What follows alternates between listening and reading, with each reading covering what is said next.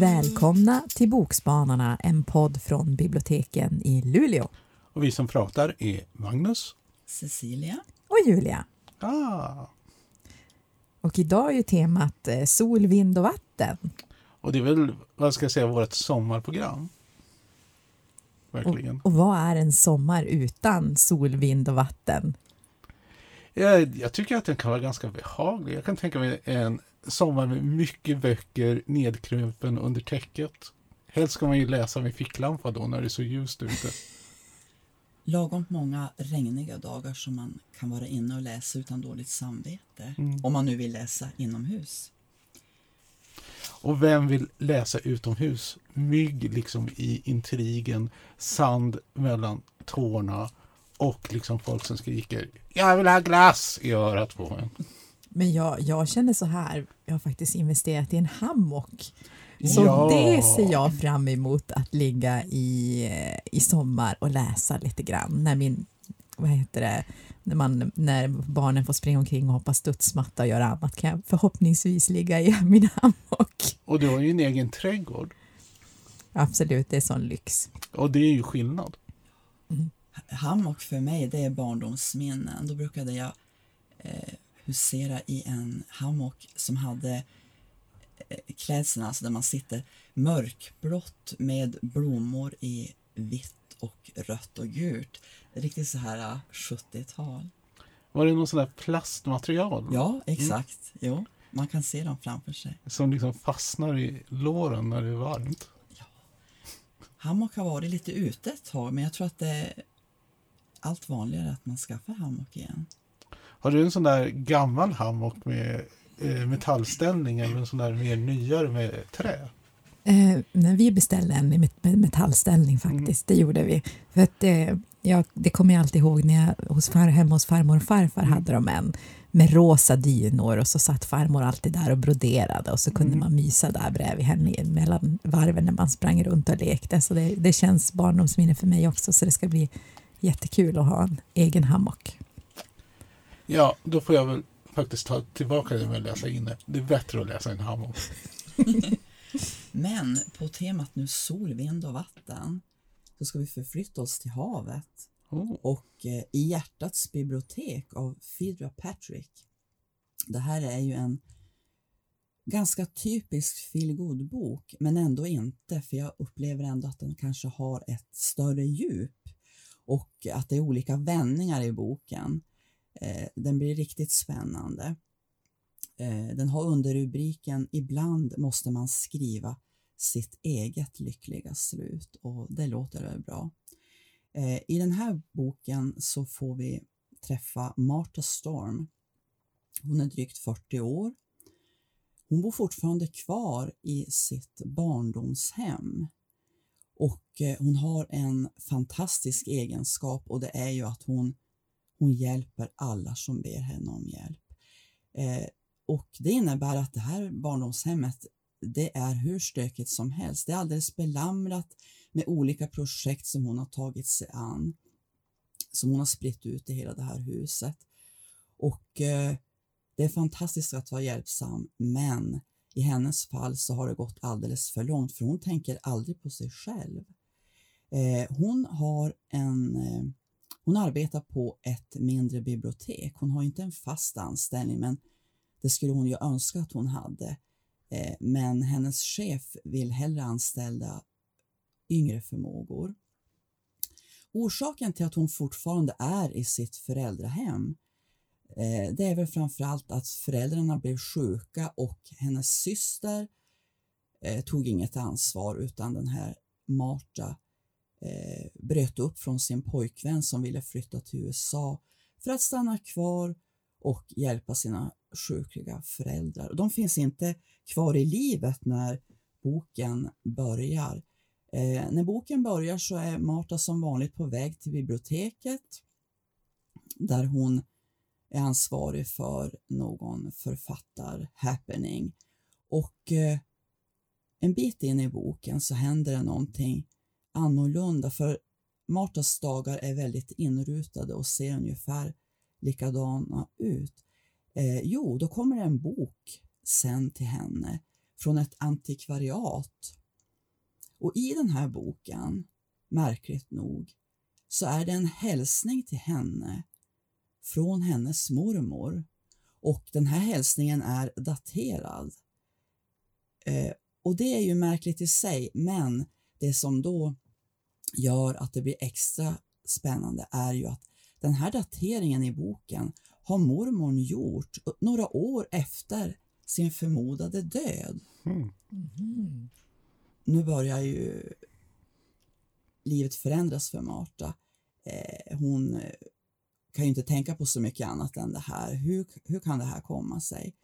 Hon söker upp eh, mannen som har det här uh, mysiga lilla antikvariatet en bit därifrån och be att få veta lite mer vem har lämnat in den här boken och så vidare. Och eh, det visar sig att eh, mormor är i livet.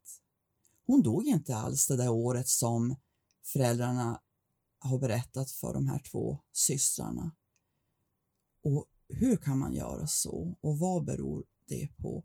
Jo, det, det är en eh, det hände någonting på en tebjudning för länge sedan i det förflutna som ställde allting på sin spets. Jag kommer inte att avslöja vad, men boken är väldigt Jo, trevligt jo, upplagd. Ja, vad tänkte du säga Magnus? Jo, jo, jo, jo, avslöja nu!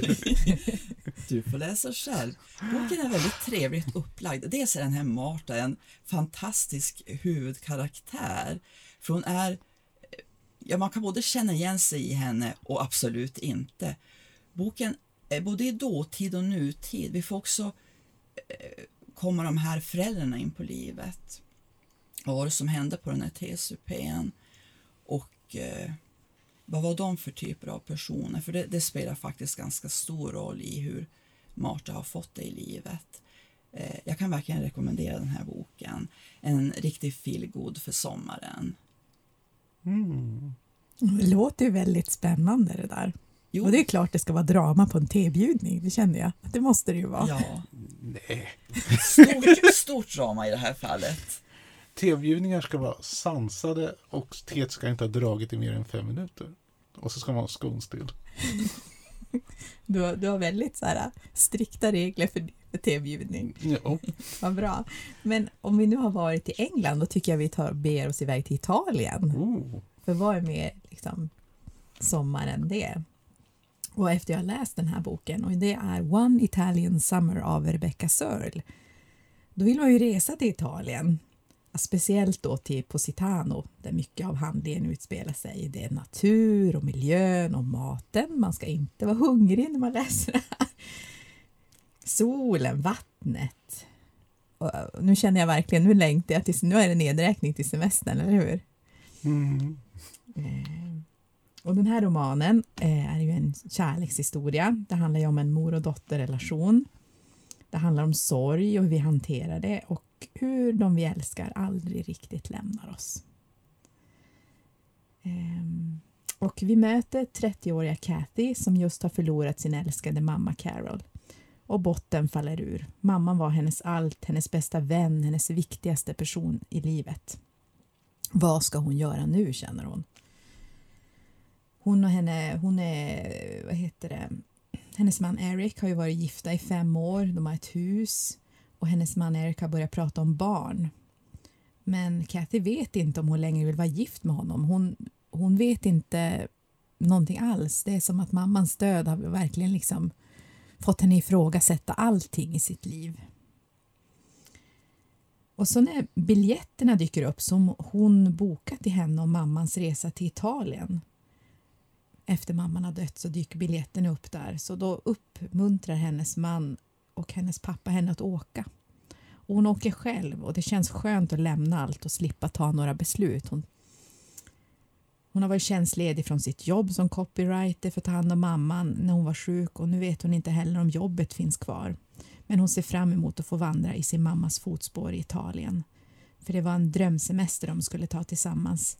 De hade det som något att planera kring och drömma om under tiden mamma var sjuk. Och Carol pratade alltid om den sommaren hon tillbringade där och hur stor inverkan den hade på henne och hur fantastiskt det var där. Och kanske kunde den här resan ge Kathy samma sak, ge henne insikter, visa henne hur hon skulle komma vidare och vad hon ska göra. Och direkt hon anländer då till på sitt hand och så blir det kärlek vid första ögonkastet. Det känns verkligen magiskt. Men så händer något oförklarligt. Hennes mamma Carol dyker upp, ung, frisk, solbränd och Kathy fattar ingenting.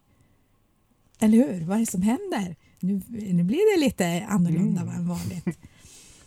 Eh, och under hennes tid i Italien då får hon känna, lära känna den här Carol och måste försöka sammanfoga den bild hon hade av sin mamma och den här nya versionen.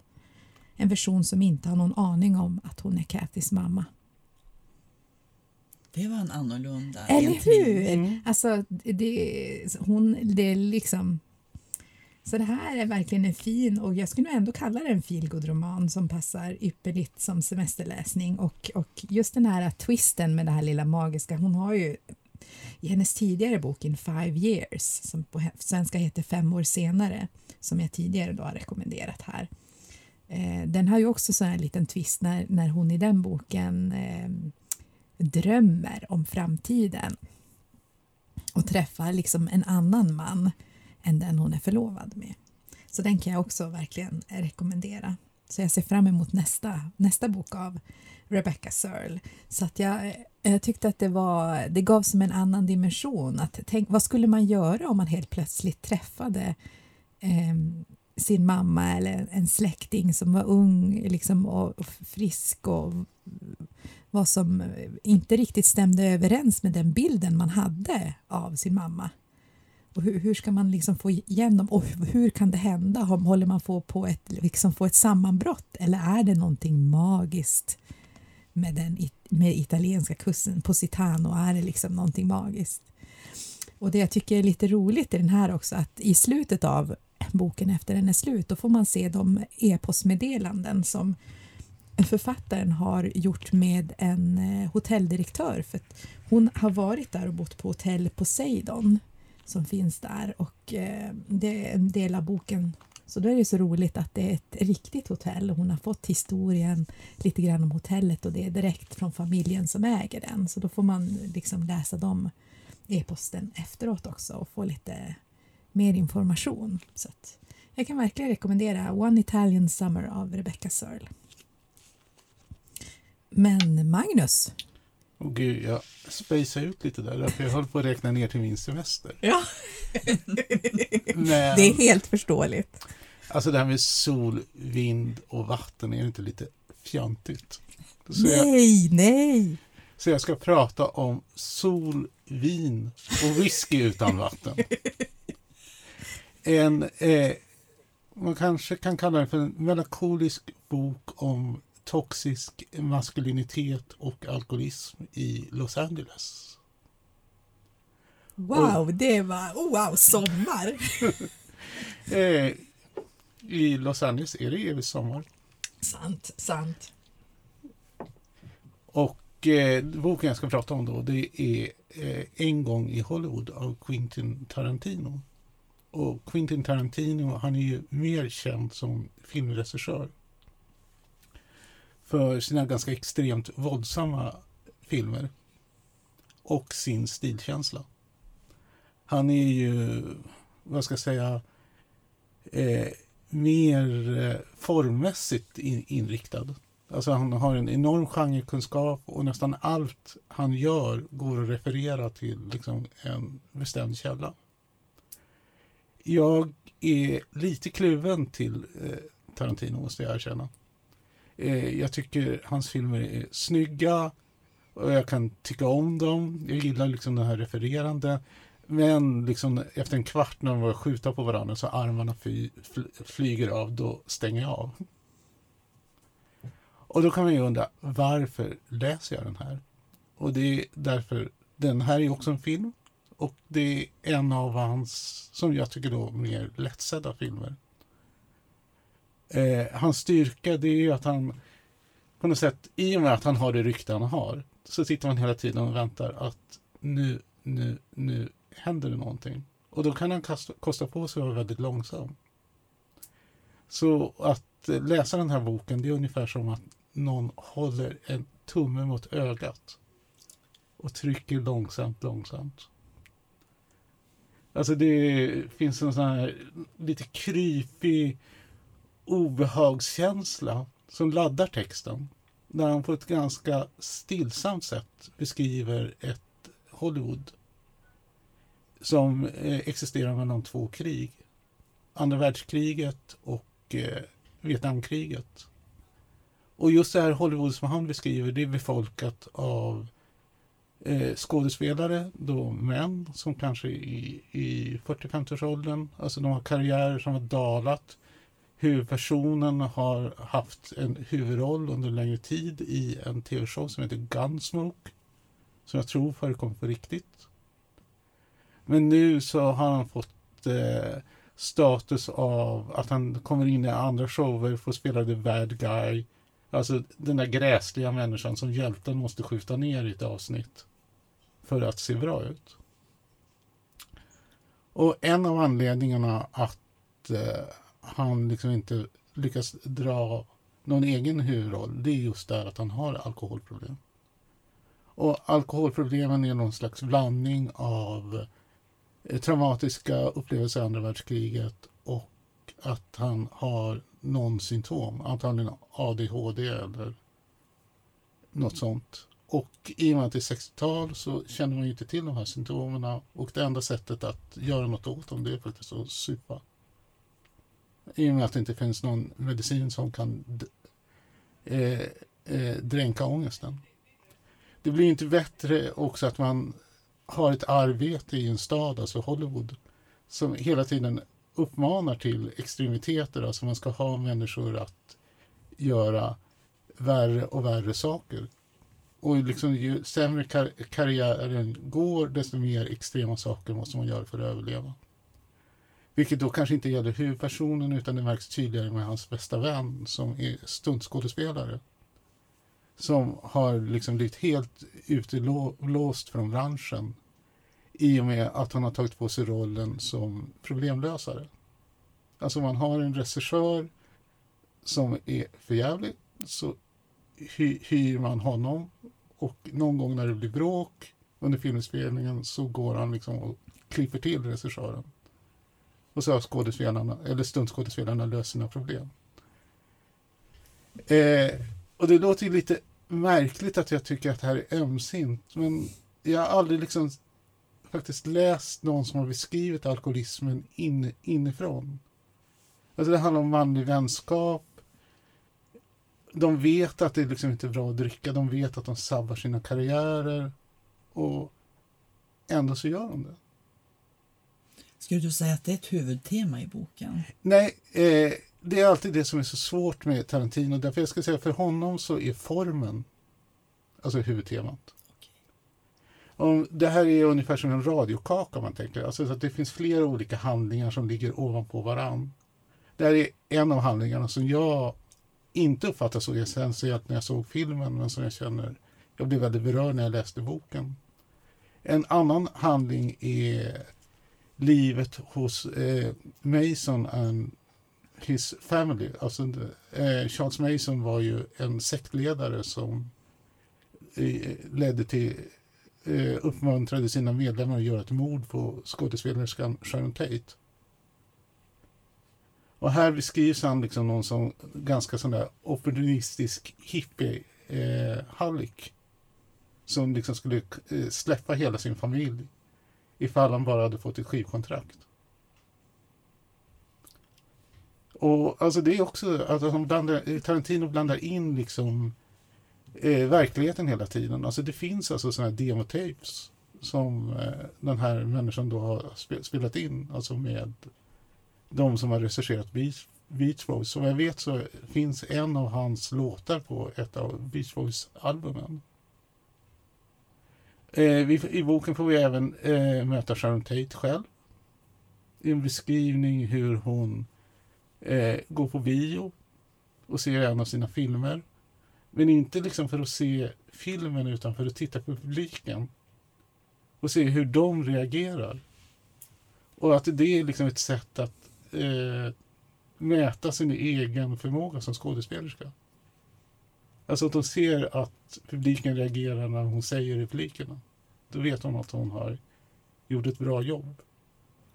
Och det, jag ska säga att det är en väldigt rörande skildring, alltså den här blandningen av fåfänga och ambition. Och man får också möta, och det här är egentligen huvudgrejen i boken för mig, vid sidan av alkoholismen som jag blev väldigt berörd av. Det är eh, på den här eh, västernshowen som skådespelaren hamnar på så finns det en åttaårig barnskådespelare som är extremt professionell och skäller ut honom därför att du kommer inte liksom på inspelningen berusad. Vi ska göra det här, det här är vårt jobb. Och så fick eh, sida efter sida av diskussioner hur de liksom ska lösa scenerna, vad som händer om de inte spelar på det sättet. Och jag måste säga hon är väldigt rolig i sin professionalitet och sin lillgammalhet. Och någonstans hur den här äldre mannen lyssnar på henne.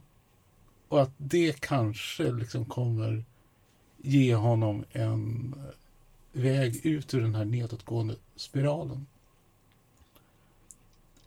Och så finns det massor av musikcitat. För det är ju liksom ett av eh, eh, Tarantinos trademark. Alltså att han plockar upp en eh, genre som i början på, eller en slager, förlåt. Eh, som i början på Kill Bill där de spelar Bang Bang You Shot Me Dead. Och eh, då zoomar det ut och man ser en kyrka där liksom ett helt bröllopssällskap eh, är nedskjutet. Och i, det, om man har lyssnat på den här låten hundra gånger, alltså det är en låt som Nancy Sinatra sjöng. Jag vet inte, har du hört den Cecilia? Jo, det har jag. Mm, jag känner igen. Och ser liksom eh, Tarantinos nya bilder till den så får texten helt plötsligt en helt annan betydelse. Alltså det är en ganska gräslig text. Det där låter ju som allt annat än en dussinbok alltså. En bok som man mm. minns när man har läst den, eller hur? Jo, alltså jag trodde inte att, i och med att det är en bok som är skriven på en film som är gjord av en filmregissör som jag är lite sådär. Och jag faktiskt kommer inte ihåg filmen. Så blev jag väldigt berörd av den. Och det kan ju vara det att jag fått samma historia berättad två gånger i två olika format. Och båda eh, är skickligt genomförda, även om jag kanske inte riktigt håller med Tarantinos eh, värderingar. Och så just det också hur han blandar fakta med fiction. Alltså det finns en analys av alltså hela samhällsklimatet i slutet av 60-talet. Där liksom någon slags 50-tals idealism eh, som man då kan se i cowboyfilmerna att de goda har vita hattar, de svarta har, eller de onda har svarta hattar. Och liksom när de tar av sig hattarna eh, så har de frisyrer som ser ut som de är påmålade ungefär. Alltså sådana här hårdsprejade små eh, korta saker med mittbena. Och de ersätts då i slutet av 70-talet i tv-serierna av psykos med eh, eh, pistol. Alltså någon slags hi hi våldsamma hippies.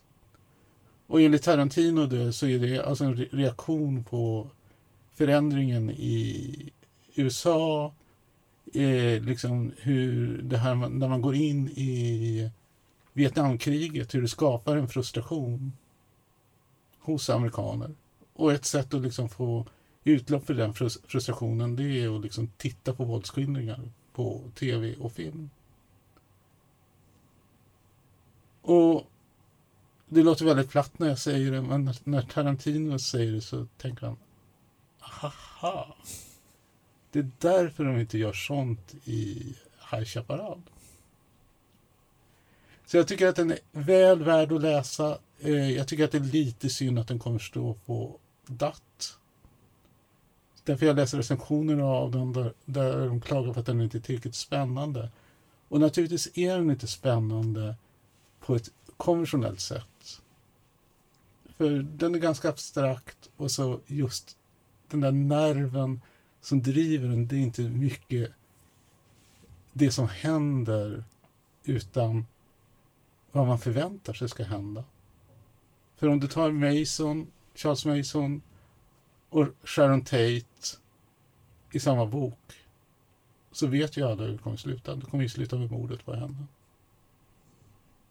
Men gör boken det? Ja. Det var ju... Det är ju alltid mm, spännande när man läser Mm. någonting som man, som man har som en annan förväntan Mm. på och så blir, blir man överraskad och blir som indragen i, i en historia som man kanske inte trodde skulle vara så engagerande. Så nu väntar jag liksom på att Tarantino ska göra en feelgood. Han liksom skulle verkligen kunna röja upp i genren. Det kan hända att du får vänta ett tag. Det kan det, verkligen. Ehm, I det här avsnittet så har jag tipsat om One Italian Summer av Rebecca Searle.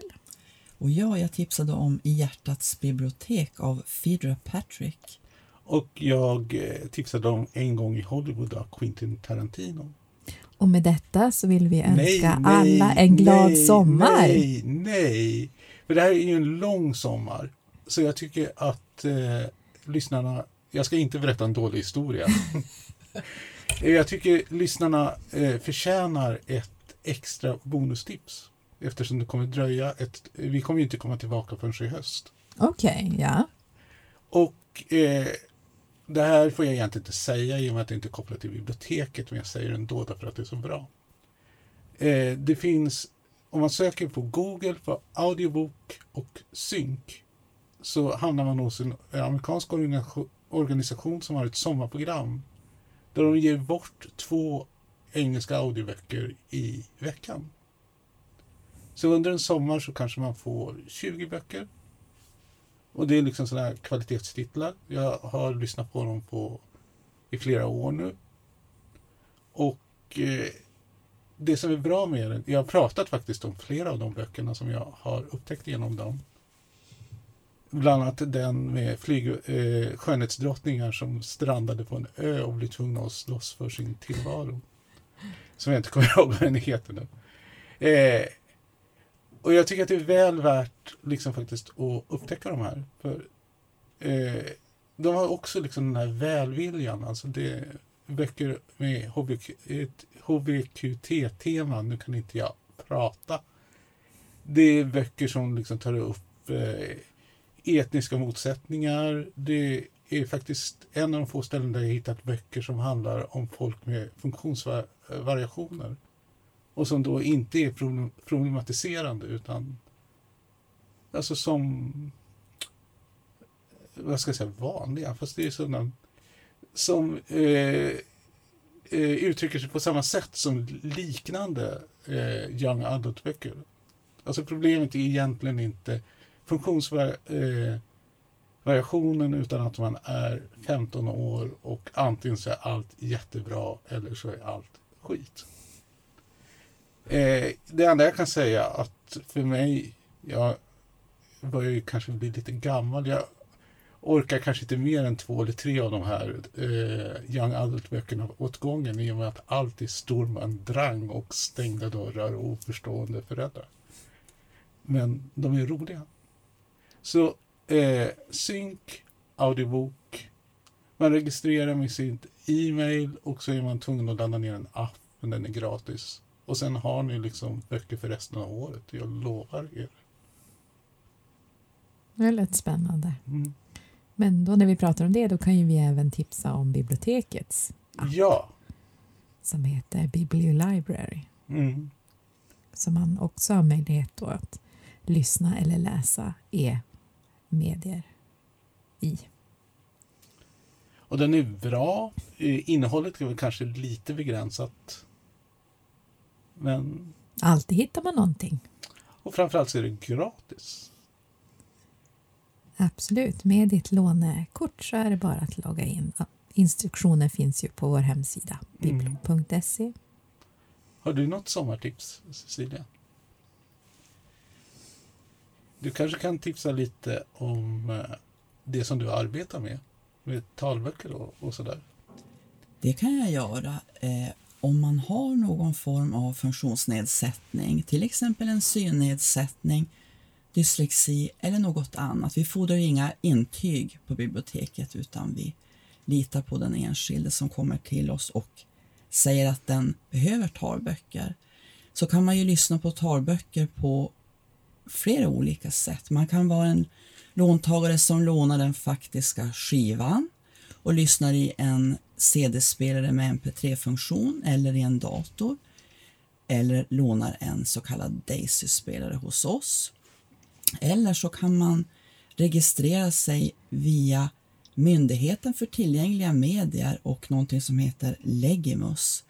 Det är över 500 personer i Luleå kommun som har registrerat sig för det eh, sedan den tjänsten marknadsfördes för ungefär åtta år sedan.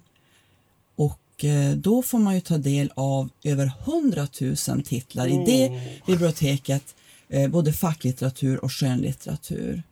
Och då bokar man en tid med, på sitt närmaste bibliotek i Norrbotten för att få ta del av tjänsten med Legimus. Och det går att boka tid hela sommaren. Det gör det. Eh, nu törs jag inte svara för mm. alla eh, folkbibliotek nej, i Norrbotten, nej. men i alla fall stadsbiblioteket Luleå mm. ska det fungera så.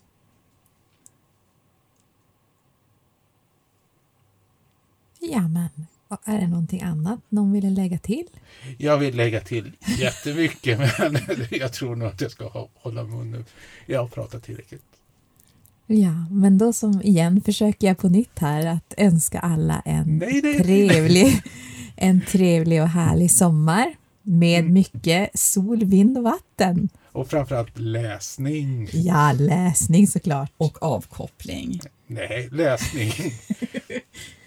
det ska vara så spännande som möjligt. Det ska vara så där så att de blir tvungna att vända boksidorna från den när man dör av skräck. Hej då allihopa. Hej då allihopa. Hej då.